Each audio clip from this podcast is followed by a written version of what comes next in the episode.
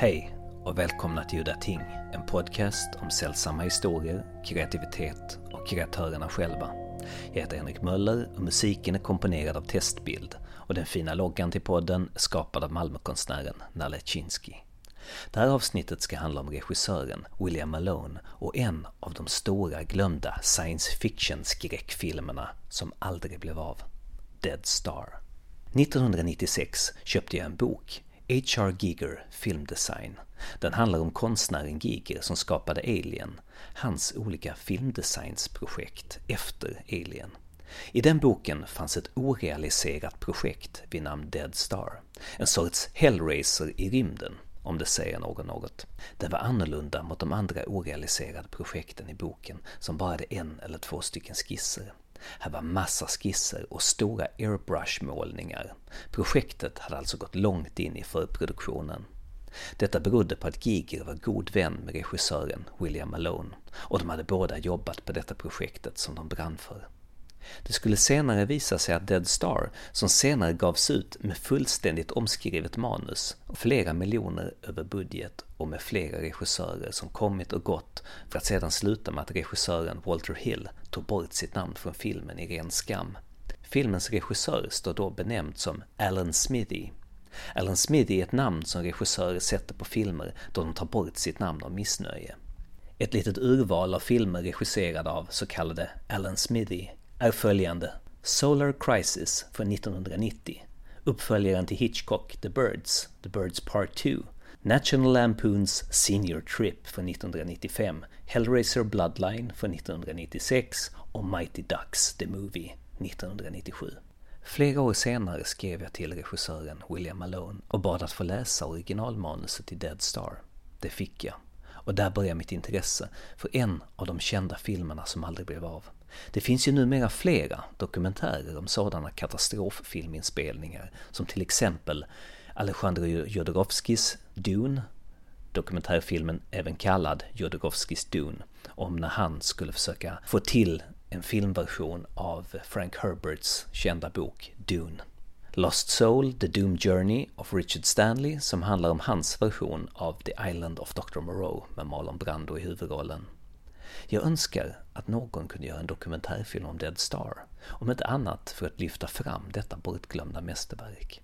Jag intervjuade regissören William Malone om hans karriär som monstereffektsmakare till manusförfattare och regissör samt hans vänskapliga relation till konstnären H.R. Giger. Well, a lot of people were influenced by H.R. Giger. Would you tell me a little bit about how you how you first met him?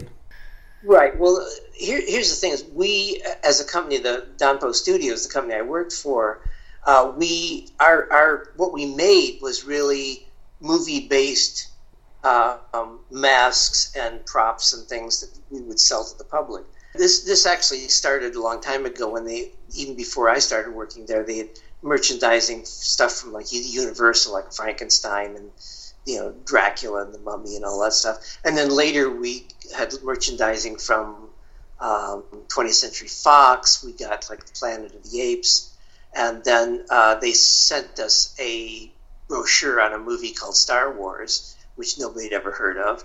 And we looked at those pictures and we said, well. I don't know if this movie's any good or not, but we can we can sell this stuff like crazy. So we got the first merchandising uh, we arranged the first licensing agreement on Star Wars. And uh, then Fox, of course, liked us a lot because we were making apparently good decisions. And they sent us um, um, information on, on, uh, on Alien.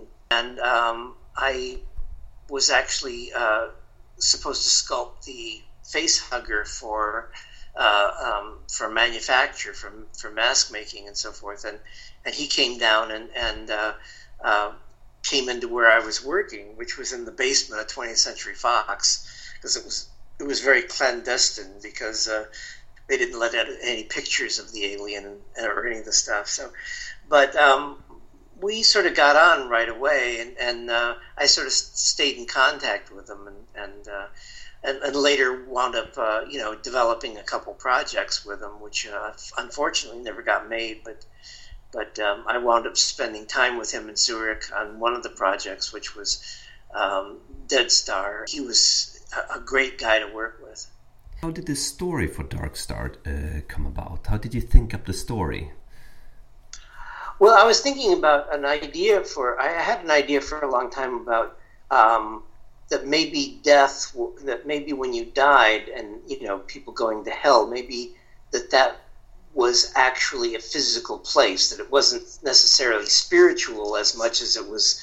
It was a physical place you could go to. And I thought, well, what if aliens had come up with some sort of device that was able to take you to hell, if you were if you will, or open up a, a portal to hell. And that was the, the genesis of it. And I thought that maybe it'd be kind of cool is if uh, if we took the idea basically of uh, the movie Dead Calm and reset it in space, where uh, you know you have a mission where there's they're out in space and they're there to find out what happened to a, uh, a crew that disappeared, you know, years ago. And when they get there, there's like a, a, a, ship that's coming towards them, and on board is this crazy guy who's got like this device that's capable of taking you to hell. The Thanatron device from Dark Star. How did you think up this idea, and how did the, the idea evolve? Did you work with Giger on it back and forth? My my original idea was, like I said, it was was a device, it was an alien device of some sort that the aliens had created that would he'd basically transport you to hell. When I thought of it originally, it was much more sort of a, probably something more electronic or actual mechanical that you'd recognize as being a mechanical. Now, Giger, being the kind of character he was, you know, he did designs that were just like, you could just go, I don't even know what that is. But I like that. You know, I like the idea that he'd come up with this, like, sort of organic version of it that was like, very wacky. I mean, he used to send me just crazy drawings. I mean, he sent me one whole pages of just holes. You know, he goes, "Yes, I, I sent you pictures of assholes and and you know holes of all kinds. You know, buttholes and holes in the ground." And you know, so he he had this uh, just kind of crazy idea, but some of his ideas were just so wonderful, and uh, we came very close to getting it made. It was, uh, and, and, this was a movie that I spent, uh, um, you know, a couple weeks with Giger, you know, in Zurich designing the stuff, and and then we would have long conversations. He sent me uh, many many sketches and so forth, and uh, I was very keen on making it. But what happened was the the production company kept coming to me and saying they wanted it bigger and bigger, and I and it came to me to be obvious that at some point you make it too big and a couple things are going to happen. Either it's not going to get made, or if they do make it, they're not going to make it with me at the time because you know I was a, still a, a, fairly unknown director, and so um, you know uh, uh, so the film wound up not getting made. And consequently, the script uh, circulated around town for a long time, and there was a lot of fans of the script, and they liked it. And unfortunately, when you have that happen, you wind up your script getting, you know, uh, pieces of it stolen or you know used in other things. And there's a movie, most notably called uh, Event Horizon, which is basically they took our entire premise and and uh, made a movie on it. Although I don't think that it's as good a movie as I think what we would have made, particularly with Giger involved. I think it would have been a much cooler movie. Uh, I left and actually didn't even think about it anymore because you kind of have to put those things behind you because it's just too painful otherwise. So I, I, just moved on, and then I think it was like nine years later when I was uh, doing about to do House on Haunted Hill, I get a, a check in the mail that they'd sold the script to to, to somebody else to make it, and it became a supernova, which I don't think there's much left of my original screenplay in there. Uh, this must be uh, genre-wise, as uh, uh in terms of budget-wise, genre uh, genre-wise, this must be the uh, probably the biggest Alan Smithee movie ever made. You know, I do know that they went through a number of directors and did numerous rewrites, and um, it was kind of um, it was kind of nice because after the fact, I got a letter from Francis Coppola saying that he that he wished they'd gone back to my original screenplay. So that was rather that was rather nice. So A little bit too late, too little, too late. But yeah, um, yeah. It's, it's kind of like when you get awards at the end of your life, you know, as a filmmaker. You go, no, why did you give me that? Like. 30 years ago, you know. Could you uh, give a little advice uh, about things to avoid? Uh... You know, it, it's really hard because, you know, the thing is that when you write something like that, I mean, um, you know, you want to send it out because you need to get it made. Um, but at the same time, when you're sending it out, people are reading it. And, you know, I've had, I've had many projects that the either the entire project or pieces of them have been lifted and, and by big people to you go why would they bother you know lifting from me? But they do you know. So it's just it's it's just part of it. And i guess you just have to figure if you can make enough stuff that you know that you'll you'll still wind up you know getting the things made that you want to get made then i guess that's that's all you can do really there really isn't any any way of getting around it you know, I know lots of people will they'll put on the front of the cover of their scripts, you know, with all kinds of copyright notices. But nobody, nobody's stupid enough to steal your entire script. They're just going to like, you know, mine it for the ideas and so forth. Look, I, taught I taught film uh, a couple years ago um, at a at a film school, and what I told the, my best advice to young filmmakers is, you have to make a film you can't make a film that's good. You can't you and you can't make a film that's great. You've got to make a film that blows people away. That when they see it, they just go, "I have to have this person." That's all you can do because that's the only way you're going to get ahead. Because there's so many people out here. It's so competitive, and there's so much going on, and and also, you know, a big part of um, uh, the film business here, of course, is is um, uh, well, like you've heard, of, you know, who you know, and uh, you know, being networking and really knowing a lot of people, and and and that's a big part of it. So a lot of times, I think the biggest mistake people make is that they think that that uh, if you work hard and you're just good, you know, you're going to get ahead, and it's just not the case here. You know, you have to be blessed in some fashion by by the Pope. and what I mean by that is is uh, I was lucky. I, I did a, a, TV show called um, Tales from the Crypt, and I directed an episode which was con- which when they gave me the episode, it was considered like um, what they call a, a, um, a box show, which means like their cheapest episode shot in four days when everyone else gets five days or something to film their, their half hour episode. So so I got the lowest the, the, the, the worst episode, but I made an episode that suddenly people the the executive producer, which was a guy named Bob Zemeckis, who you probably know from mm-hmm. Forrest Gump and all the rest of that, he saw it and was going around saying that it was like the best crypt episode and so forth. And because of that, in other words, uh, you know, I, I had the blessing, you know, which is that suddenly, you know, I had agents coming out of my, my rear end and they were just, you know, there was um, a, a, lot of interest and that's really how you have to, you have to get ahead, you know, it's, it's very, very hard. So you have to make a film that's, that's, that, that really makes a mark in, in film festivals or somewhere that it, it just gets a lot of press and gets a lot of interest and that's really the only way you're going to get ahead. Could you tell me a little bit about the other projects, not Dead Star, but the other projects you mentioned that you worked on with Giger, what they were well, about?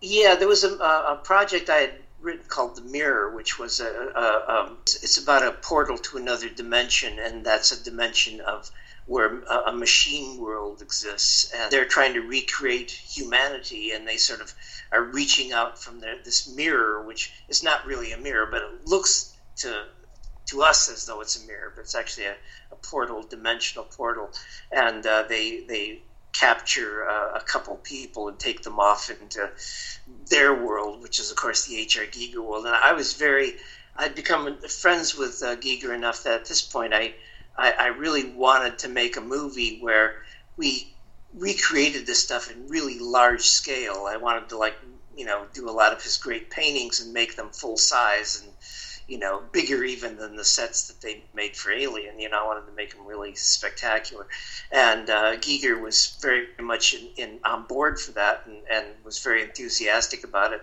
But and we came very close to getting it made, but it's just one of those things you know your dream projects oftentimes don't get made and it's it's sad but it's, it's what happens so. Yeah. if you like something too much it's a, that's a bad sign i guess in hollywood anyway. As you tell me the story of mirror it sounds a bit like the old video game that came out in the 90s that was called dark seed. Does that have anything to do with it? Actually I, i've only seen the cover. I have never played it. I have really no idea of what the actual uh, uh, film or the, the game is actually about. So I, I couldn't tell you. Well, I played it when it came out in the early 1990s, and uh, what I remember from it is exactly what you told me a guy walking through a mirror and entering the HR Giger world. Uh, well, I guess I should have sued him. in a way, I feel kind of bad that Giger, that we were never able to do those films because I, I think the stuff that he did with Alien, of course, it's wonderful. It's wonderful stuff, but it just scratches the surface of what could have been done with Giger's stuff. And and that's what I, I feel kind of sad that I, I couldn't have been part of it. But at least I, I, wish somebody would have been part of it and actually made that stuff real. You've always been a very creative person. How did you start out? You know, I started, I guess, as a lot of you know people who are interested in the genre started.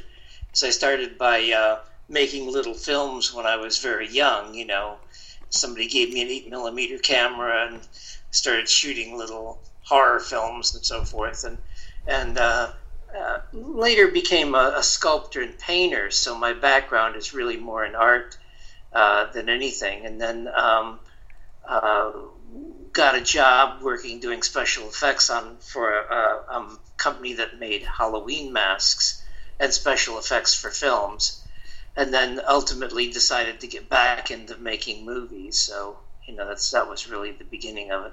Could you tell me a little about your uh, debut horror film, Scared to Death? How did that come about? You know, I was like I said, I was working at a company called Don Post Studios, and uh, there were guys that would come in who were directors, and at that time, um, and they would come in to hire us to make things for their movies.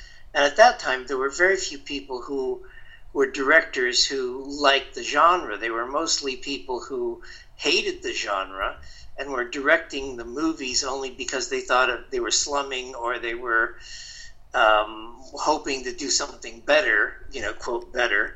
And uh, uh, but I, I really was sort of frustrated with that attitude.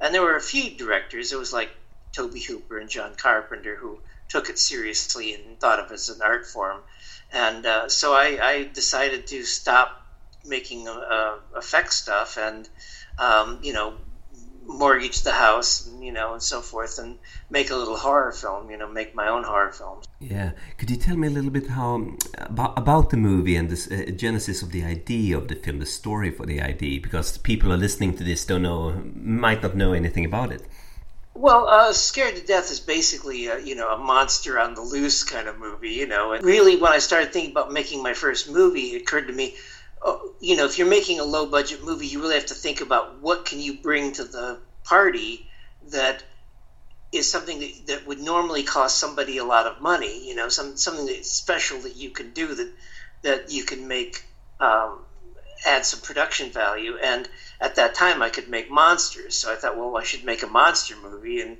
and that was really the sort of beginning of it. And I, and I had the conversations. I, I was I had a friend. We used to talk a lot about. Um, you know, uh, science and so forth, and we were thinking about genetically created monsters, and so that was the the idea would have, be a gen- genetically created monster that would get loose and and start killing people. And initially, because it's it it hides in the sewer system, people don't know how it's killing people, and it and and uh, it's sort of like a um, people think for a while that it's a psycho killer or something. Okay, if we move on chronologically, um, how about Creature? Could you tell me a little bit how about the story and how the film came about and working with Klaus Kinski?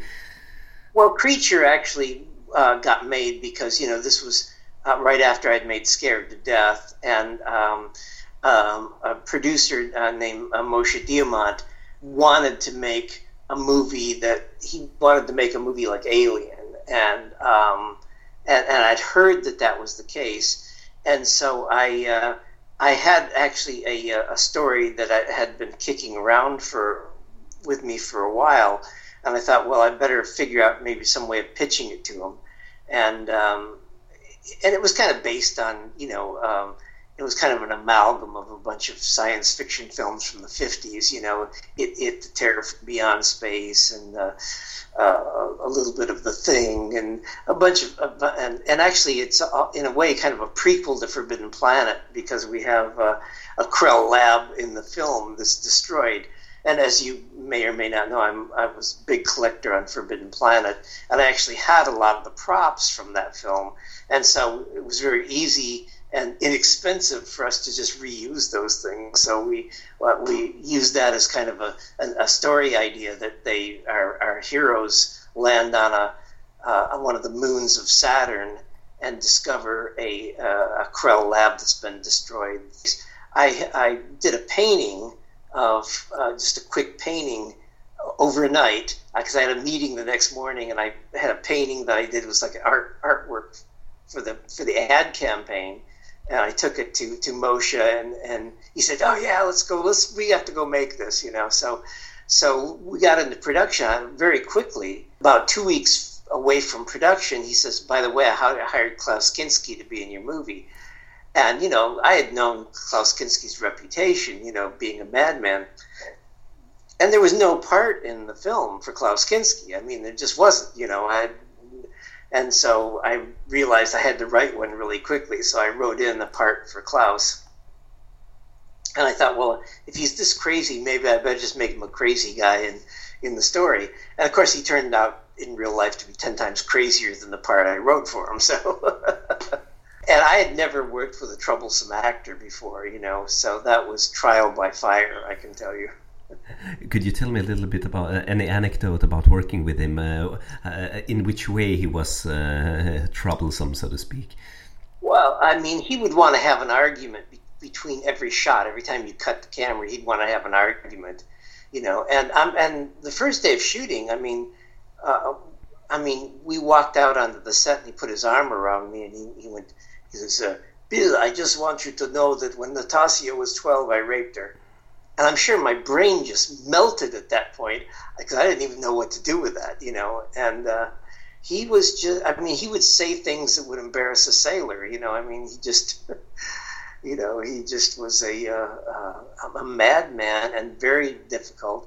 And um, I'm not a screamer, but I had, I had him for about a week, and I think he started on a Monday, and by Thursday, I just decided the only way to deal with him was to, to yell at him so um, I turned and winked at the cameraman, and I turned back to Klaus and just started screaming and telling him he was going to hit his marks, or, you know, and I'd heard about uh, uh, um, uh, Herzog pulling a gun on us, says, "I'm going to shoot you." That's you know, and so he, he was he was a, a pussycat for the next two days. but I, I have to say, he lit up the screen when he was on camera. You know. Well, a film I would like to talk about is uh, one of my favorite films of yours. It's Parasomnia. Could you tell me a little bit about how the story came about and yeah, and the production? And well, thank you. I'm glad that you like that film. It's it's really my favorite thing that I've done, and and it's the nearest to my heart because. Uh, you know, I really wanted to make a movie, you know, kind of a dark fairy tale. Actually, it, it really came about because I was watching uh, um, the cabinet of Dr. Caligari. And uh, as I'm watching it, I'm thinking to myself, man, there's there's at least another good movie in here, or two or three, you know, just in the ideas. And I thought nobody's really made a good sleepwalker movie about somebody who's a sleepwalker. And I thought, so I started doing research on it, and I came across this article about this girl who'd been asleep for 20 years, and and she only woke up every now and then. And I thought, wow, what must her life be like? You know, if you're. So I thought, well, she obviously dreams, but what does she dream about? And I got the idea, well, what if somebody controlled her dreams and her dreams were like our our life, and when she woke up, she thinks that's her dreams. And so that was the spin uh, of the movie. The idea was that when she was dreaming, that was her uh, her, her, reality. So um, I thought, well, maybe there's this guy who's in love with her, who's like the psychopath, and he's able to actually inhabit her dreams. Genesis of it. So I sat down and wrote it, and it's interesting because after I got done um, making the film, in fact, um, I happened to see Splash, and I realized that Splash is like the brighter side of of that movie. It's like there, it's it's it's kind of a weird. It, it's really kind of the same movie in a way, but it's just like that's the the, the comedy version, and Parasomnia is the dark version of that, I guess. It, it, just strikes me when you pitched it to me, the story, that it sounded very much like uh, Nightmare on Elm Street, but it really isn't. It's very far from Nightmare on Elm Street. Could you tell me a little bit about uh, how you came up with the with the, the main villain of the story, and uh, were you inspired by any typical artwork? Well, uh, yeah, I mean, I had. Um, the artwork really came out of um, I became aware actually when I was doing uh, Fear.com in, in Luxembourg um, the production designer uh, threw a book on my desk uh, by a guy named uh, uh Beksinski, uh, the, the Polish artist, and I was just taken with the stuff. Um, and unfortunately, in that movie, there was no place to use that stuff. But I said, I've got to do a movie with this guy at some point. Sadly, he was murdered before I got a chance to do Parasomnia, but I, I never forgot it. And and um, um, I was really taken with this stuff and tracked down the people who owned the rights to his film, his uh, um, artwork rather, and um, was able to to get the rights to use it in my film. Um, and uh, I was greatly honored by that because I think it's just wonderful stuff. Um, and apparently, Beksinski wanted to do film work. He really wanted to uh, have his artwork put in film. So I, I think in some ways it, it all turned out to be om jag uttalade rätt, Zadislav Bikinski, född 1929, var en exceptionell konstnär i klass med Hieronymus Bosch som målade mardrömslika gestalter och landskap. En helt unik röst, lite grann i likhet med H.R. Giger, som tyvärr blev knivhuggen till döds i sitt hem för några hundra polska slotti år 2005. Så gå gärna ut och googla Bikinski Art. så kommer ni få se fantastiska bilder. But yeah, as far as the, the villain goes, I wanted to have a, a villain that was smart. It's funny though, but I, I did get slagged by some critics for for him having hypnotic powers, and I thought, are, are you not familiar with horror, you know, literature and films? I mean, that's not even but uh, I don't understand the criticism. What, uh, was the uh, criticism? They were criticizing the fact that, that they thought, you know, that his hypnotic powers were like silly or, or, beyond the realm of anything that anybody could do or anything that it was it was too fanciful and i thought you know come on dracula you know. also you had the privilege of working with sean young the actress best known for her role as rachel in blade runner sean young um, you know you, all, we've all heard stories about sean but you know, I found her to be a, just a dream. She was she showed up on time. She did a good job. She was never complained. And this is a low budget movie. You know, we didn't have you know the trailers and all of the stuff that she was normally used to. And she was just a doll. She really was. And the, the scenes, like when she goes over the building, she was really you know a good sport about you know like all of the stunts she had to do and hanging on wires and you know everything that she went through. So I I I thought she was great. I would work with her anytime. I mean, I know she probably has difficulty sometimes in her private life, and maybe that spills over, but certainly didn't with us. And and uh, I'd say give me ten Sean Youngs. So. I have to say thank you very much, Bill, for taking your time. It, it was wonderful talking to you. I've been wanting to do this for a long time. Well, it's great talking with you, and, and I, uh, um, I hope I get to visit Sweden sometime. Ja, det var allt för den här gången. Jag heter Henrik Möller och musiken är skriven av Testbild.